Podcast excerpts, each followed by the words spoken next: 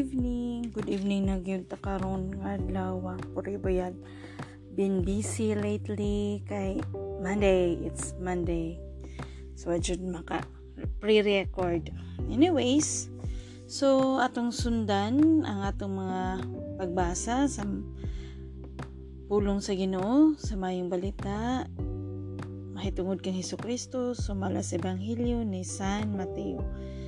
Kini tuod si Teacher D, Teacher Daisy, Desiring for God, and I hope daghan ang mag-desire for God nining atong podcast. O mas ma-inggan nyo sila magbasa in their own way. So, basta ta magsugod, magampo kita sa ngalan samahan sa anak, sa Diyos Espiritu Santo. Amen. Diyos samahan, daking salamat ining kagabion yung gihatag ka namo ining higayon kung hain man dapitan ning nagbasa karo namati karon giyahi ang iyang heart. Um, tultuli kami sa among mga makatunan karong gabi una ug tabangi kami sa pagtapit pud sa uban nga magbasa magtuon. Kay imo man kaming gusto nga um, danihon nga daghang magtuon di ba ang imong mga primerong mga apostoles um, ni Heso Kristo iyang giingnan nga dali mag himon ko ikaw nga mangisda o mga tao. Mm, nagtugon pud nga mahimuong tinunan ang mga tao sa tibuok kalibutan So, so man mo pag ang among pagtuo kung wala kini pagtuon. So, giyahi kami Ginoo. Diyos samahan sa kuan pahumuka ang among kasing-kasing. Himua kami nga ready. Ready ni aning among basahon. Tapos, Lord, we pray sa mga may COVID karon mapositibo ta sila sa paghingip kanimo, pagpamati kanimo. Uh, nga sila mahinang pon sa pagsalig diha sa imong dakong paghigugma kanila. O ang mga malik kating buusap thank you. Thank you salamat. O hinaton ta nga daghanan ta ang mabakunahan. Pero kani nga bakuna dili ni ang among saligan. Oh tinuod um, usa kini ka pagampo nga among gi pangayo kanimo. Usa kini ka tubag sa among mga paggampog kabahin sa bakuna. Pero ang labaw sa tanan ikaw ikaw mo ay nag hatag ni ani. Mm, para sa para maandam kami sa mga lihok-lihok para mas confident ni sa among paglihok-lihok. But more so mas confident ni bisan man og naaman o wala kay nang pa buhi o patay imo man kami. Isip mga binunyagan so kining tanan among gi pangayo gi salamatan pinagin Hesus Kristo among Ginoo. Amen. Sa samahan sa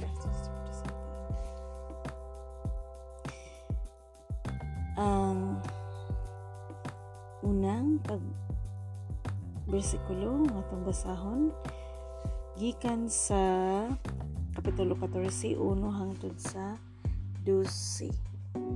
Ang kamatayon ni Juan nga magbubunyag. Niadtong panahon na si Herodes nga nagmando sa Galilea nakabalita mahitungod kang Hesus. Giina niya ang iyang mga opisyal. Siya mao si Juan nga magbubunyag. Nabanhaw siya. Mao kanay kinungdan nga nakahimo siya ni ining mga milagruha. Si Herodes mao ang nagsugo nga dakpon si Juan ug gapuson og prisuhon. Gibuhat niya kini tungod kang Herodias, ang asawa sa iyang son niya si Felipe. Kay si Juan nga magbubunyag nagsige man gyud og sulti kang Herodes, dili matarong nga mga asawa ka kang Herodias. Buton tang patyon ni Herodes si Juan apan nahadlok siya sa mga Hudiyo kay giilaman nila si Juan nga usa ka propeta. Sa dihang gisaulog ang adlaw natawan ni Herodes, misayaw ang anak ng babae ni Herodias sa tubangan sa tanang nanambong. Nahimuot kay sa Herodes busa, Misaad siya kaniya, ipanumpa ko nga hatagan ko ikaw, bisag unsay imong pangayoon. Sumala sa sugo sa iyang inahan, mingon siya kang Herodes. Ihatag kanako karon dayon ang ulo ni Juan nga magbubunyag ug ibutang kini sa bandihado. Naguulang hari apan tungod sa panumpa nga iyang gihimo sa tubangan sa tanan niyang mga dinapit, misugo siya nga hatagan ang dalagita sa iyang gipangayo. Busa iyang gipapunggutan si Juan dito sa presuhan. Ang ulo nga gibutang sa bandihado gidala ug gihatag ngadto sa dalagita. Gidala usab kini niya ngadto sa iyang inahan. Unya miabot ang matinun-an ni Juan ug ilang gikipos ang iyang lawas ug gilubong. Humanini, kiadto nila si Jesus ug ilang gisuginlan sa nahitabo. Gipakaon ni Jesus ang lima kalibo ka tawo. Kapitulo 14, 13 hangtod sa 21. Sa pagadungog ni Jesus sa balita ang gipatay si Juan, mibiya siya ni adtong dapita sakay sa usa ka sakayan, nag-inusara siyang miadto sa usa ka dapit nga awaaw. Nakabalita ni ini ang mga tao busa namiya sila sa ilang mga lungsod ug nanglakaw sila aron pag-apas kaniya. Mikawa si Jesus sa kasakayan ug sa pagkakita niya sa dakong pundok sa mga tao, giabot siya dakong kaluoy kanila ug giayon niya ang ilang mga masakiton. Sa hapit na musalo pang adlaw ang iyang mga tinunan miduol kaniya ug miingon, mungit-ngit na raba ug awaaw kining dapita. Maayo tingalig palakto na lang nimo ang mga tao ug paadtuon sa mga balangay nga duol aron mamalit og pagkaon alang sa ilang kaugalingon. Si Jesus mitubag dili na kinahanglan nga manglakaw pa sila. Kamo mismo ang maghatag kanilang pagkaon sila mitubag lima rakapan ug duha ka isda ang ani adiri si Jesus mingon dad ang ari Unya iyang gipalingkod sa mga sagbot ang mga tao gikuha niya ang lima ka pan ug ang duha ka isda. Unya mihangad siya sa langit ug nagpasalamat sa Dios. Gipikas-pikas niya ang mga pan ug gihatag ngadto sa mga tinunan nga mao usab ang naghatag niini ngadto sa mga tao. Nangaon ang tanan ug nanga busog. Unya gihipos sa mga tinunan ang mga sobra nga nakapuno ug napulog duha ka bukag. Lima kalibo ang gidaghanon sa mga tao nga nangaon. Walay labot sa mga babae ug sa mga bata. Si Jesus milakaw ibabaw sa tubig. Kapitulo 14 22 hangtod sa 32 mm, 33 Human niini gipasakay ni Hesus sa sakayan ang mga tinunan o gipauna niya ngadto sa tabok sa lanaw samtang iyang gipalakaw ang mga tao. Mitunga siya nga nag-inusara sa usa ka bungtod aron magampo. Ug sa pagkagabi na si Hesus dito pa gihapon nag-inusara niadtong tungura ang sakayan dito na sa lawod gikuso-kuso sa mga balod kay ang hangin sungsungon man Niya nang pagkakaadlawon sa Isus miapas kanila nga naglakaw ibabaw sa tubig. Sa pagkakita sa mga tinunan kaniya nga naglakaw sa tubig, nangahadlo kayo sila og naninggit, Multo! Si Jesus mingon kani ayaw kamo kahadlok ako kini. Unya si Pedro mingon Ginoo kun ikaw kana palakta ako sa tubig nga na kanimo. Dali nga ri. Mitubag si Jesus, busa mikawa sa Pedro sa sakayan ug milakaw sa tubig ngadto kang Jesus. Apan sa pagkamatikod niya sa kusog nga hangin, nahadlok siya ug misugod pagkaunlod. Busa misinggit siya, Ginoo sa ako. Diha-diha gikuptan siya ni Jesus ug gibira ug miingon si Jesus kaniya, pagkagamay sa imong pagtuo, nganong nagduha-duha ka man. Ug nanakay silang duha sa sakayan, unya mihunong ang hangin. Ang mga tinunan nga dito sa sakayan misimba kang Hesus umingon, ikaw gayud ang anak sa Dios. Giayon ni Hesus ang mga masakiton dito sa Genesaret. Kapitulo 14, versikulo 34 hangtod sa 36. May tabok sila sa lana ug midunggo sa Genesaret. Nailhan si Jesus sa mga tao, busa, gipakuha nila ang mga masakiton sa kasikbit nga kayutaan ug ilang gidalangan to kang Hesus. Mihangyo sila nga kaniya nga pahikapon ang mga masakiton bisan na lang sa sidsid sa iyang bisti ug ang tanan nga nakahikap niini na nga ayo. Mao kini ang pulong sa Ginoo. Okay, nga dito sa atong mga pagtulunan, ang ang lang na reflect diri nga kuan sa kamatayon ni Juan nga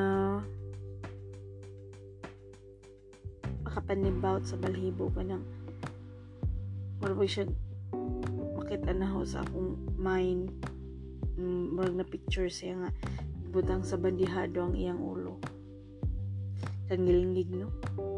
So, muna sila sa unang panahon ang ilang pagtuo yun ana nila pag fight um, bisag unsa pa may ilang nahitabo dili kuan dili problema ang pangitabo sa lawas kaya ang atong lawas lumalabay lang no ngun pa kung usay makareflect ko diri sa kang si Juan mo oy uh, representative or in in to ni Ilyas.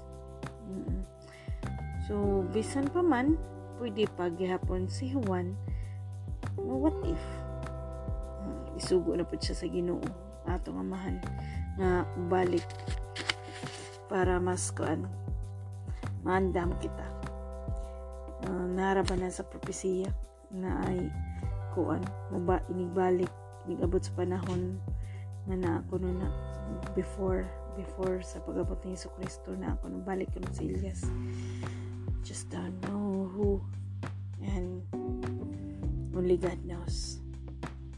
Tapos nga sa lima ka tao lima ka libo ka tao. Ibutang na lang nato sa simbahan. Pila ka tao lalaki ang musimba Muna sila ragihap so more or less mga basin pa o uh, 1 is to 3 nga ratio. Kasi mga 15 milyon ka mga tao. I mean mga 1,500 ka mga tao ang dito. Ano? Wala libo 15 mil 15 15,000 ka mga tao ang tuwa dito. Hmm. napulog lima kalibo o diba ang ahong pinakanindot niya ni na part may na lang kanya uh, sa ubang magong text no sa ebanghelyo na dinhay bata nga nagdaan ng pan o kanang isda nga gi-multiply ni Jesus Christ hmm.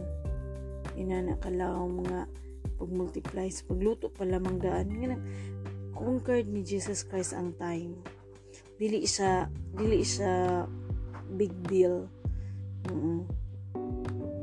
Big deal para nato kay kin sabay makahimuan ng paan nga magdagan. Kung kita apil sa mga nangaon ni ato no, niya kita tangawa gyud ingon nga nay pagkaunda ang mga tinunan din sila ato.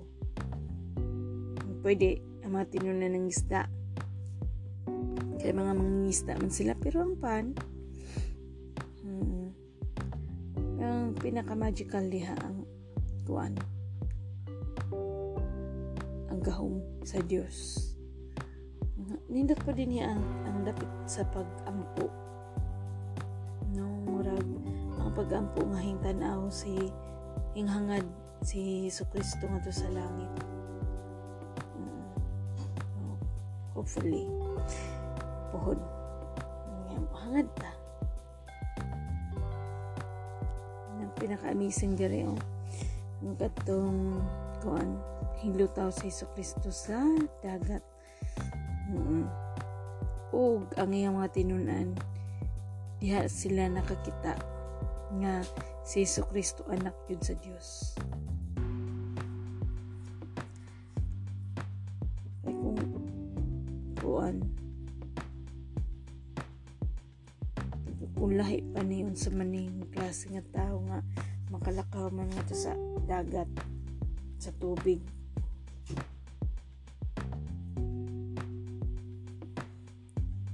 Tapos reminder oh, pagkagamay sa imong pagtuungan nung nagduha-duha ka man. kinahanglan na nga itong pagtuwa itong ligunon pangampingan kinahanglan full no? Dili tungod kay sa relihiyon. Oo unay mga gamay nga mga pagbingkil-bingkil sa imong isigataw wa na mabalhin na kag grupo. Pero anyway kung unsay ihatag sa Ginoo kay kani sila mga before sila nahimong Kristiyanos mga kuan sila Hebreo.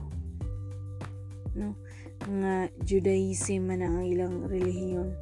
So dako sila nga part nga nag lahi ba sila hing apart adto sa pagtulunan pero from there bisan pa man og giluto sila nagmaligon sila sa ilang pagtuo kay labi na kay first hand gud sila nga nakakita nakakita gid sila pag maayo sa mga kamatuoran nga pagkaanak sa Dios ni Hesus Kristo. Okay, direta sa katapusan nung na highlight tanan nga nahikap ni nakahikap sa sidsid sa bistin ni Hesus Kristo na nga ayo liman kaniya na so sahe mo po na nga teach uh, mo po na nga lesson na bisan pa man sa katoliko na ang faith manggod na. Dili manggod na yung nga ang makita lang sa tao nga ning hikap og bisti hikap og kuhan. Pero ang tao nga naipagtuo nga hikapon siya ni Hesus Kristo maayo baya nabaya ni mga milagro pero manigingon nga dili tanan milagro gikan sa Ginoo. Mo nang kinahanglan makamao kita pag differentiate kung kana milagro ginoo ba na. Hmm. So, din hilangan kita ko to. Daghang salamat sa imong pagpamati, daghang salamat sa imong time, daghang kayong salamat sa grasya sa panahon. Magampo kita, mahada mo, nakasama langit, padayon mangalan, mabot kining harian. Matuman ni mong pagbuti ni sayo tamayin sa langit, ang reno na mo sa matagal lang. Ihata ka ng puwan lawa, pasala kami sa mga sala. Ingon ang repasala, kami sa nakasala ka ng bulilim kami doon sa mga panulay na nawalo sa sa malawatan namin. Magimaya ka Maria na puno ko sa grasya ng Diyos manakan mo. Bani ko sa mabaytan ng bird mo sa mo siya mga sa Jesus. Santa Maria, ka sa Diyos, gipong kami sa sala karon sa oras sa magkamatay. Amen. Utungod kay mga anak ng kita, isip pinunyagan at kining sumayon and feel it in your heart kay ako anak sa Dios samahan pinagi kang Hesus Kristo akong Ginoong maluluwas Inubanan sa Diyos Espiritu Santo ako mahigugmaon ako may pagtuo ako may paglaom ako mapasayloon, ako magmapasalamaton, ako magmanggihatagon, ako responsable sa istorya, ako magmatumanon sa sugo ug ako magmadayigon. San samahan sa anak sa Diyos Santa. Amen. Kini si Teacher D, Teacher Daisy. Thank you for listening. Bye-bye. God bless.